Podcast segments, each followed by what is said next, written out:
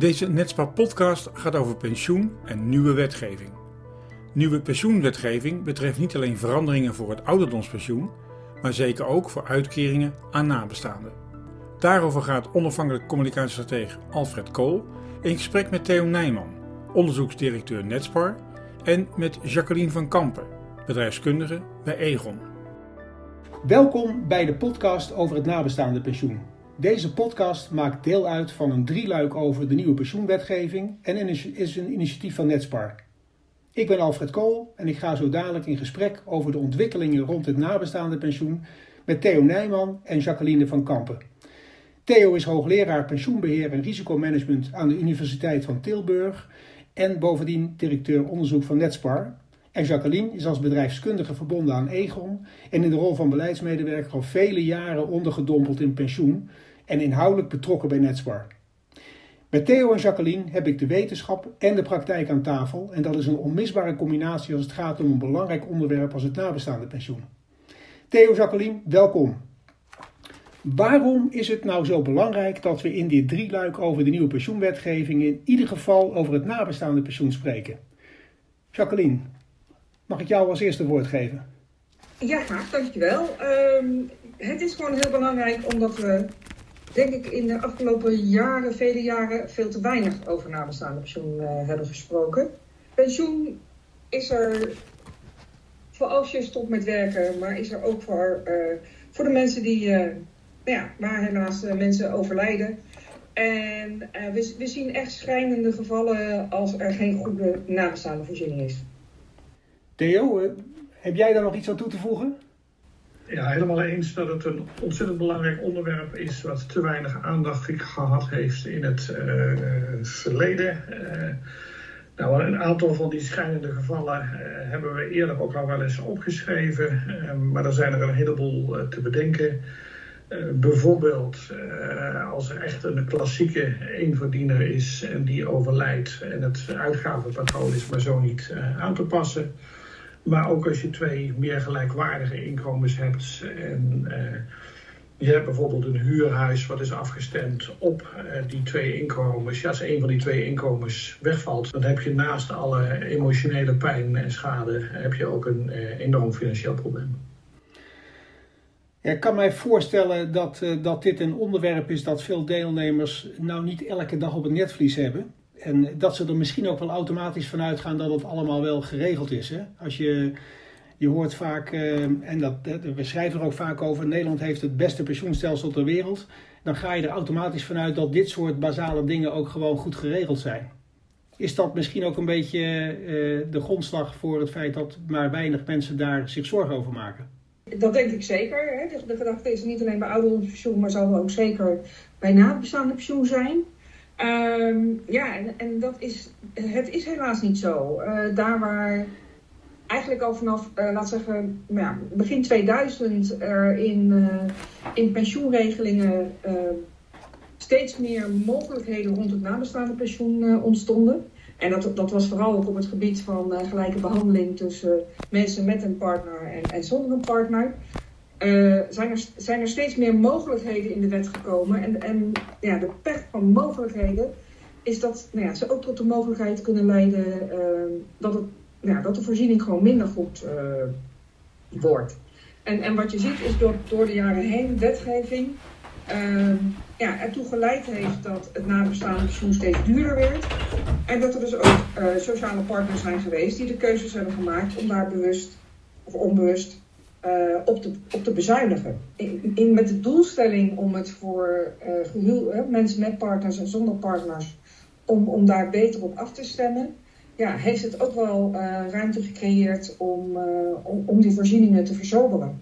Als ik daarop in mag spreken, ja, ja, is graag. Ook dat het steeds complexer is geworden. Dus mensen hebben heel weinig gevoel voor wat er nou voor hen geregeld is. Dus er zijn mensen die als uh, uit dienst nog steeds een nabestaande pensioen krijgen bij overlijden. Er zijn ook mensen waarvoor dat niet zo is. Uh, een bekend gegeven in de huidige uh, regels is ook dat bij lage inkomens, in geval van overlijden, het inkomen wat je daarna krijgt relatief heel erg laag is. Ja. zit een technische reden achter die we eventueel zouden kunnen uitspitten. maar dat maakt nogal uit. Hoge inkomens hebben een veel hogere, wat wij dan noemen, vervangingsratio dan mm, mm. geen. Dan hebben we het dan bij deze over hè, wat, wat pensioenregelingen bieden. Uh, maar in, in de afgelopen jaren is natuurlijk ook de eerste pijler, het ANW, is, is uh, enorm versoberd. Uh, waardoor nou ja, maar heel weinig mensen nog een, een uitkering uit die sociale voorziening krijgen. Hoe, hoe, hoe kan het eigenlijk dat, dat zo'n, je zou zeggen, zo'n zo'n belangrijk onderdeel van pensioen ehm, zo in de loop van de jaren heeft kunnen, ja, ik zou bijna zeggen, eroderen?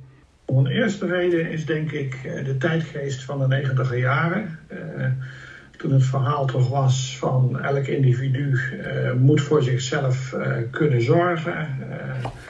man en vrouw equivalent, et cetera. En ook activeren, mensen weer nou, stimuleren, slash bijna dwingen aan het werk te gaan.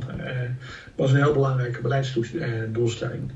Dat heeft denk ik geleid tot de verzomering van die eh, basisuitkering, die ANW, die Jacqueline eh, net noemde. En een andere die mij te binnen schiet, is de steeds weer wisselende fiscale prikkels. Soms was het heel aantrekkelijk om eh, veel pensioen op de ene manier in te leggen, dan weer op een andere manier. En dat heeft geleid tot een weerwar van regelingen, waarbij nog maar heel weinig mensen weten waar ze nu eigenlijk aan toe zijn. Ja. Omdat de regels elke keer ook weer veranderden, pasten eh, pensioenfondsen, sociale partners de regelingen ook iedere keer weer aan. Zie jij dat in de praktijk ook, Jacqueline? Ja, zeker. zeker. En, en, wat je dan in de praktijk ziet voor, voor deelnemers is dat um, we zijn heel erg gewend om te denken in pensioenafspraken uh, op basis van, uh, van diensttijd, van dienstverband. En uh, dan kom je op een bepaald moment, uh, zijn we gewoon geworden dat als een deelnemer ergens uit dienst gaat, uh, hij zelf in de gaten moet houden dat hij nou ja, via uitruil, zoals we dat noemen, alsnog weer dat nabestaande pensioen moet verzorgen. Dus dat, er ligt heel veel verantwoordelijkheid bij een grote groep deelnemers, wat voorkomt bij de moderne regelingen, om in de gaten te hebben dat als je ergens uit dienst gaat, dat je nabestaande pensioen vervalt. Je, je, echt je risicodekking voor nabestaande pensioen vervalt. En dat je daar zelf moet, voor moet zorgen door een stukje van je ouderdomspensioen in te leveren. Ik vind ik ook zelf niet helemaal netjes dat je dus uiteindelijk toch zelf voor je nabestaande pensioen moet betalen door een stukje van je eigen pensioen in te leveren. Maar het is voor mensen niet duidelijk. Uh, maar ja, mensen, het onderwerp zelf is natuurlijk gevoelig. En er komen natuurlijk in tegenwoordig veranderen we ook veel vaker van, van uh, werkgever. Dus het gebeurt veel vaker dat je vergeet om zelf die reparatie van je nabestaande pensioen te doen. Ja. ja. Tot het moment dat mensen uh, uh, ziek worden en zich wel verdiepen. En dat wel heel erg schrikken.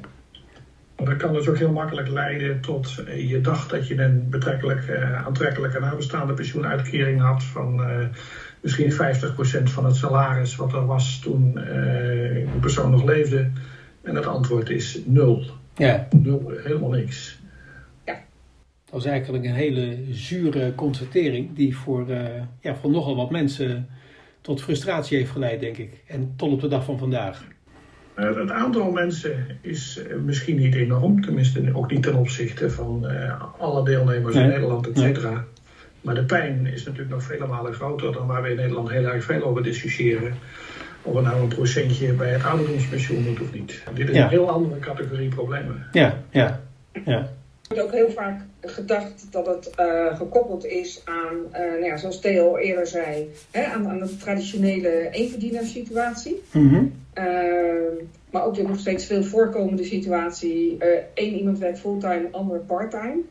Uh, dat is in, in tijd, hè, qua arbeidstijd wellicht verdeeld dus in, in 100% en, en 60%. Maar salarieel is dat vaak een veel groter verschil. Ja. Hè, dus daar zit al bij het, het, wegvallen van degene die 100% werkte, zit een enorm inkomensgat.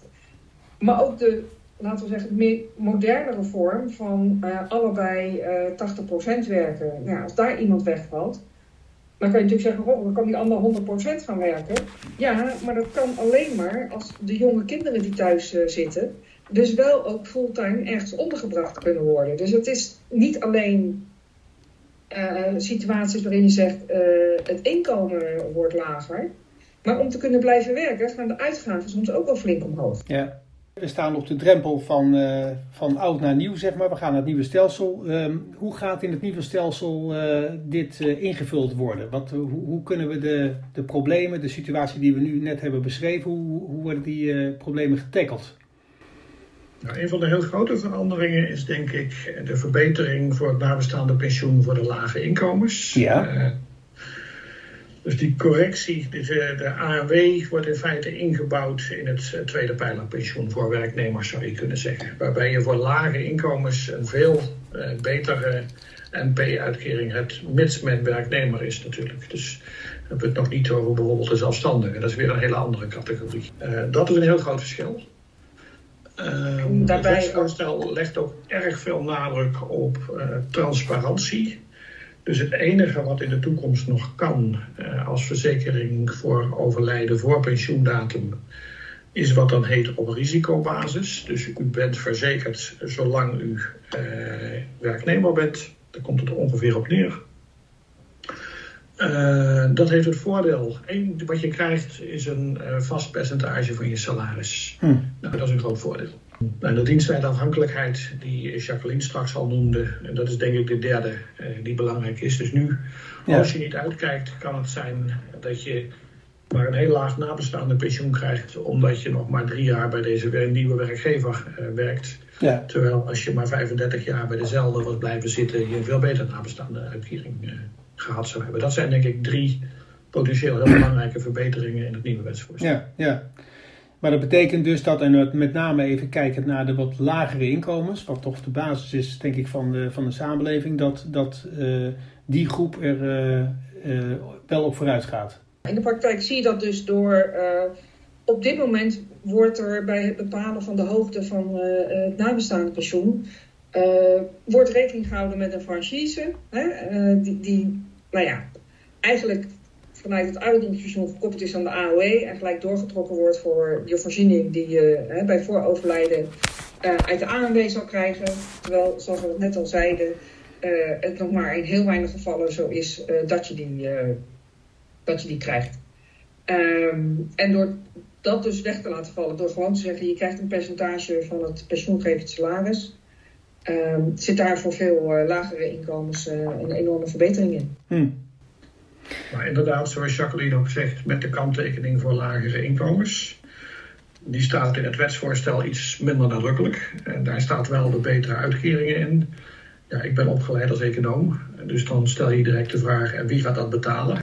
In het pensioenakkoord is ook afgesproken eh, kostenneutraliteit, heet dat dan. Dus in ieder geval op macroniveau mogen de kosten niet stijgen. Um, ja, de logische uitweg die daaruit gaat komen in mijn optiek is uh, een lager percentage van het salaris wat uiteindelijk uh, terechtkomt in die uh, nabestaande uitkering.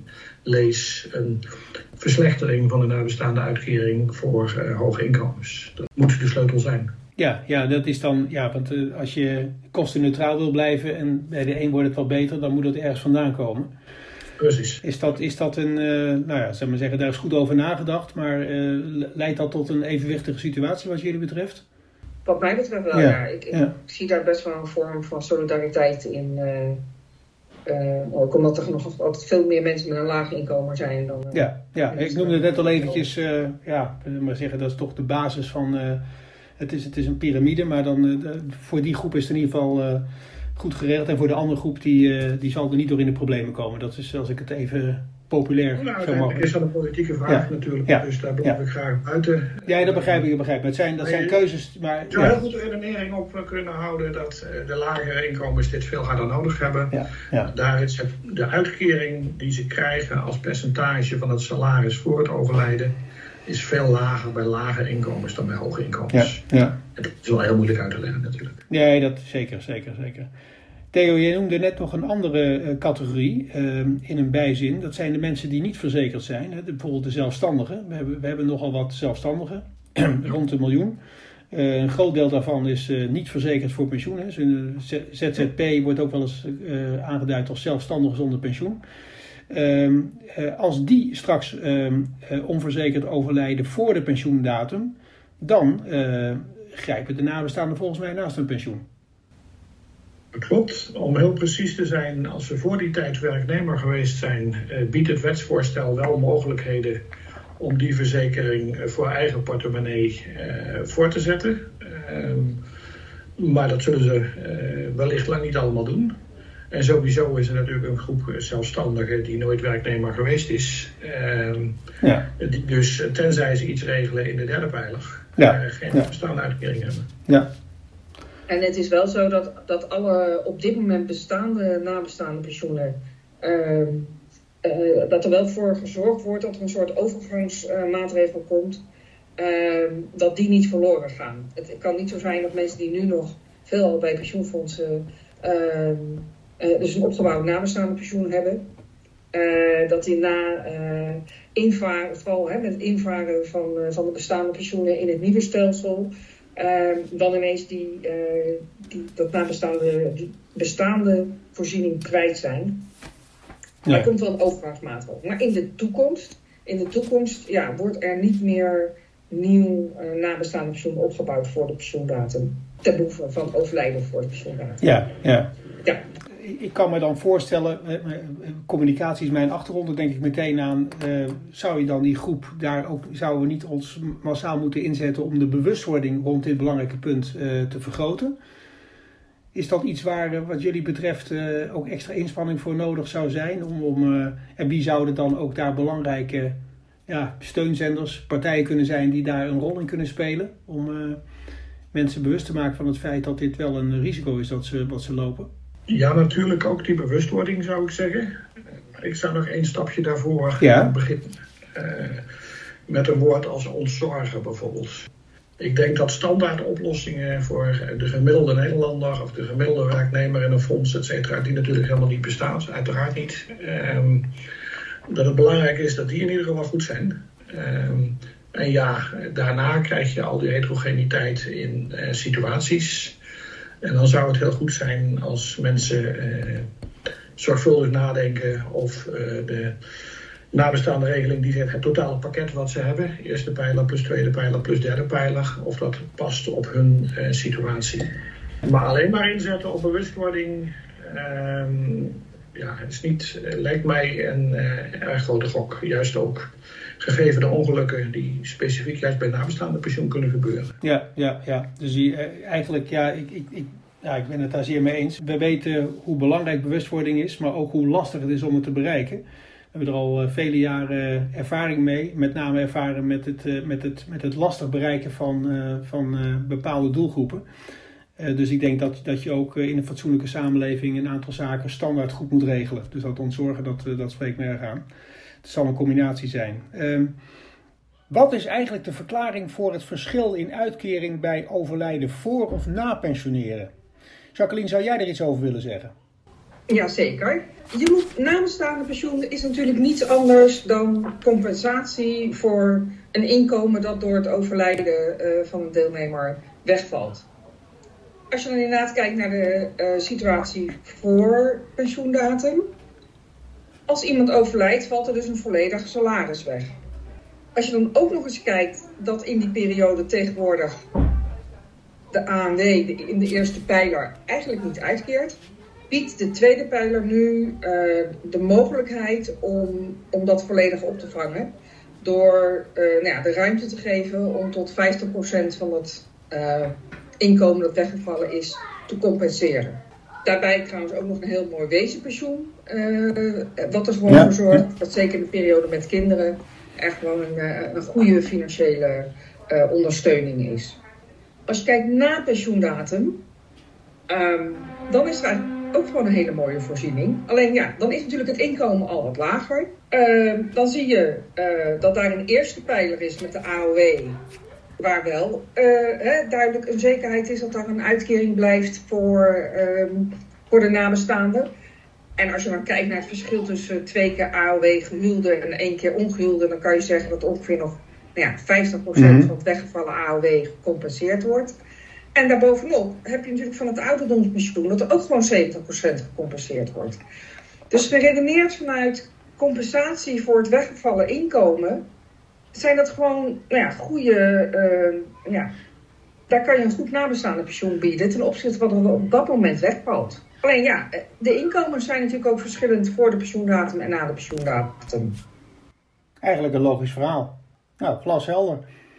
Theo, wat kun jij daar aanvullend nog over zeggen? Het is wel een, een belangrijke concern. Uh, want het kan dus zo zijn dat de nabestaande pensioenuitkering heel anders wordt uh, als je een maand voor je pensioendatum overlijdt. Want dan val je in het ene bakje of een maand na de pensioendatum. En dat, dat kan om heel veel redenen zijn. Eén is bijvoorbeeld beleggingsrendementen. Uh, dus de uitkering die je krijgt, de levenslange uitkering die je krijgt bij overlijden voor je pensioendatum, is een fractie van het salaris na de pensioen, als je overlijdt na de pensioendatum, is het een, een bepaald, wordt het bepaald door de beleggingsrendementen. Het wordt ook bepaald door het arbeidsverleden wat je gehad hebt. Hoeveel heb je gewerkt? Bij overlijden voor de pensioendatum is dat niet zo.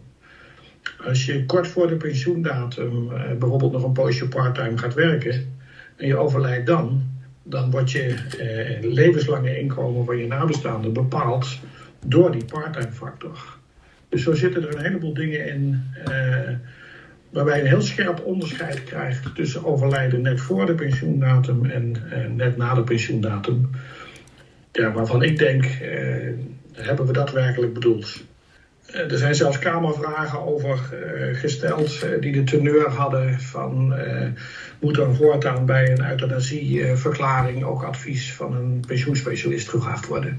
Of je dit beter voor of na de pensioendatum kunt doen. Nou, dat ja, ja. is misschien een beetje tendentieus, maar ik deel wel dat er een belangrijk aandachtspunt ligt. Ja, ja. Helder. We hebben al heel veel zaken over het nabestaande pensioen besproken. En ik zou samenvattend aan jullie willen vragen: is het nabestaande pensioen straks in het nieuwe stelsel beter geregeld dan nu? Theo, begin even bij jou. Ja, dat is altijd een moeilijke. Uh, er zitten zeker een, aantal belangrijke verbeteringen in, waaronder die lagere inkomens, uh, de diensttijdafhankelijkheid uh, die eruit gaat, uh, betere transparantie. Tegelijkertijd denk ik ook dat het nog een heel stuk beter kan door de ehm, toch wel de eigenschappen die we genoemd hebben. En ik laat het heel graag aan de politiek om uh, te kiezen of ze nou het oorspronkelijke stelsel willen of het nieuwe voor, uh, voorstel of uh, dat nog weer wat geamendeerd. Dat is niet echt de rol van de wetenschapper om daar iets over te vinden. Maar de ja. verschillen zijn belangrijk genoeg om ook in Den Haag nog een poosje over te doen. We zijn er nog niet uit. Jacqueline? Ja, ik vind voor de mensen die al een premieregeling hadden en al, al meer ervaring hebben inderdaad met nou ja, de valkuilen die daarbij zitten. Dat daar zeker de verbeteringen zijn die, ook, die Theo al noemde. Um, ja, en aandachtspunten zijn er, maar waar ik vooral ook, ook de politiek voor zou willen oproepen, is van kijk nu alsjeblieft naar het gehele nabestaande pensioenhuis in Nederland. dus wat is reëel wat de eerste pijler biedt, wat de tweede pijler biedt, wat de derde pijler biedt. En laten we ook kijken of we die pijlers gewoon veel beter met elkaar kunnen laten samenwerken. Dan kunnen we ook de zelfstandigen veel meer oplossingen bieden. Ja, dat, is, nou, dat zou ook een hele, hele mooie bijvangst zijn als het ware. Of misschien wel een hoofdvangst. Ja, ja. Dankjewel. Ik, uh, ik dank jullie allebei voor dit openhartige gesprek. Ik ben ervan overtuigd dat we de luisteraar eh, rond dit belangrijke onderwerp toch weer wat nieuwe inzichten hebben kunnen geven. En hopelijk ook wat steunzenders hebben kunnen mobiliseren om dit onderwerp eh, onder de aandacht te brengen van, van partijen die we vandaag ook uitge uitgebreid besproken hebben. Nogmaals hartelijk dank en luisteraars, doe er je voordeel mee. Hartelijk dank voor het luisteren naar deze Netspar Pensioen en Wetenschap podcast. Meer weten over ons pensioenonderzoek? Volg ons kanaal voor meer podcastafleveringen of kijk op www.netspar.nl.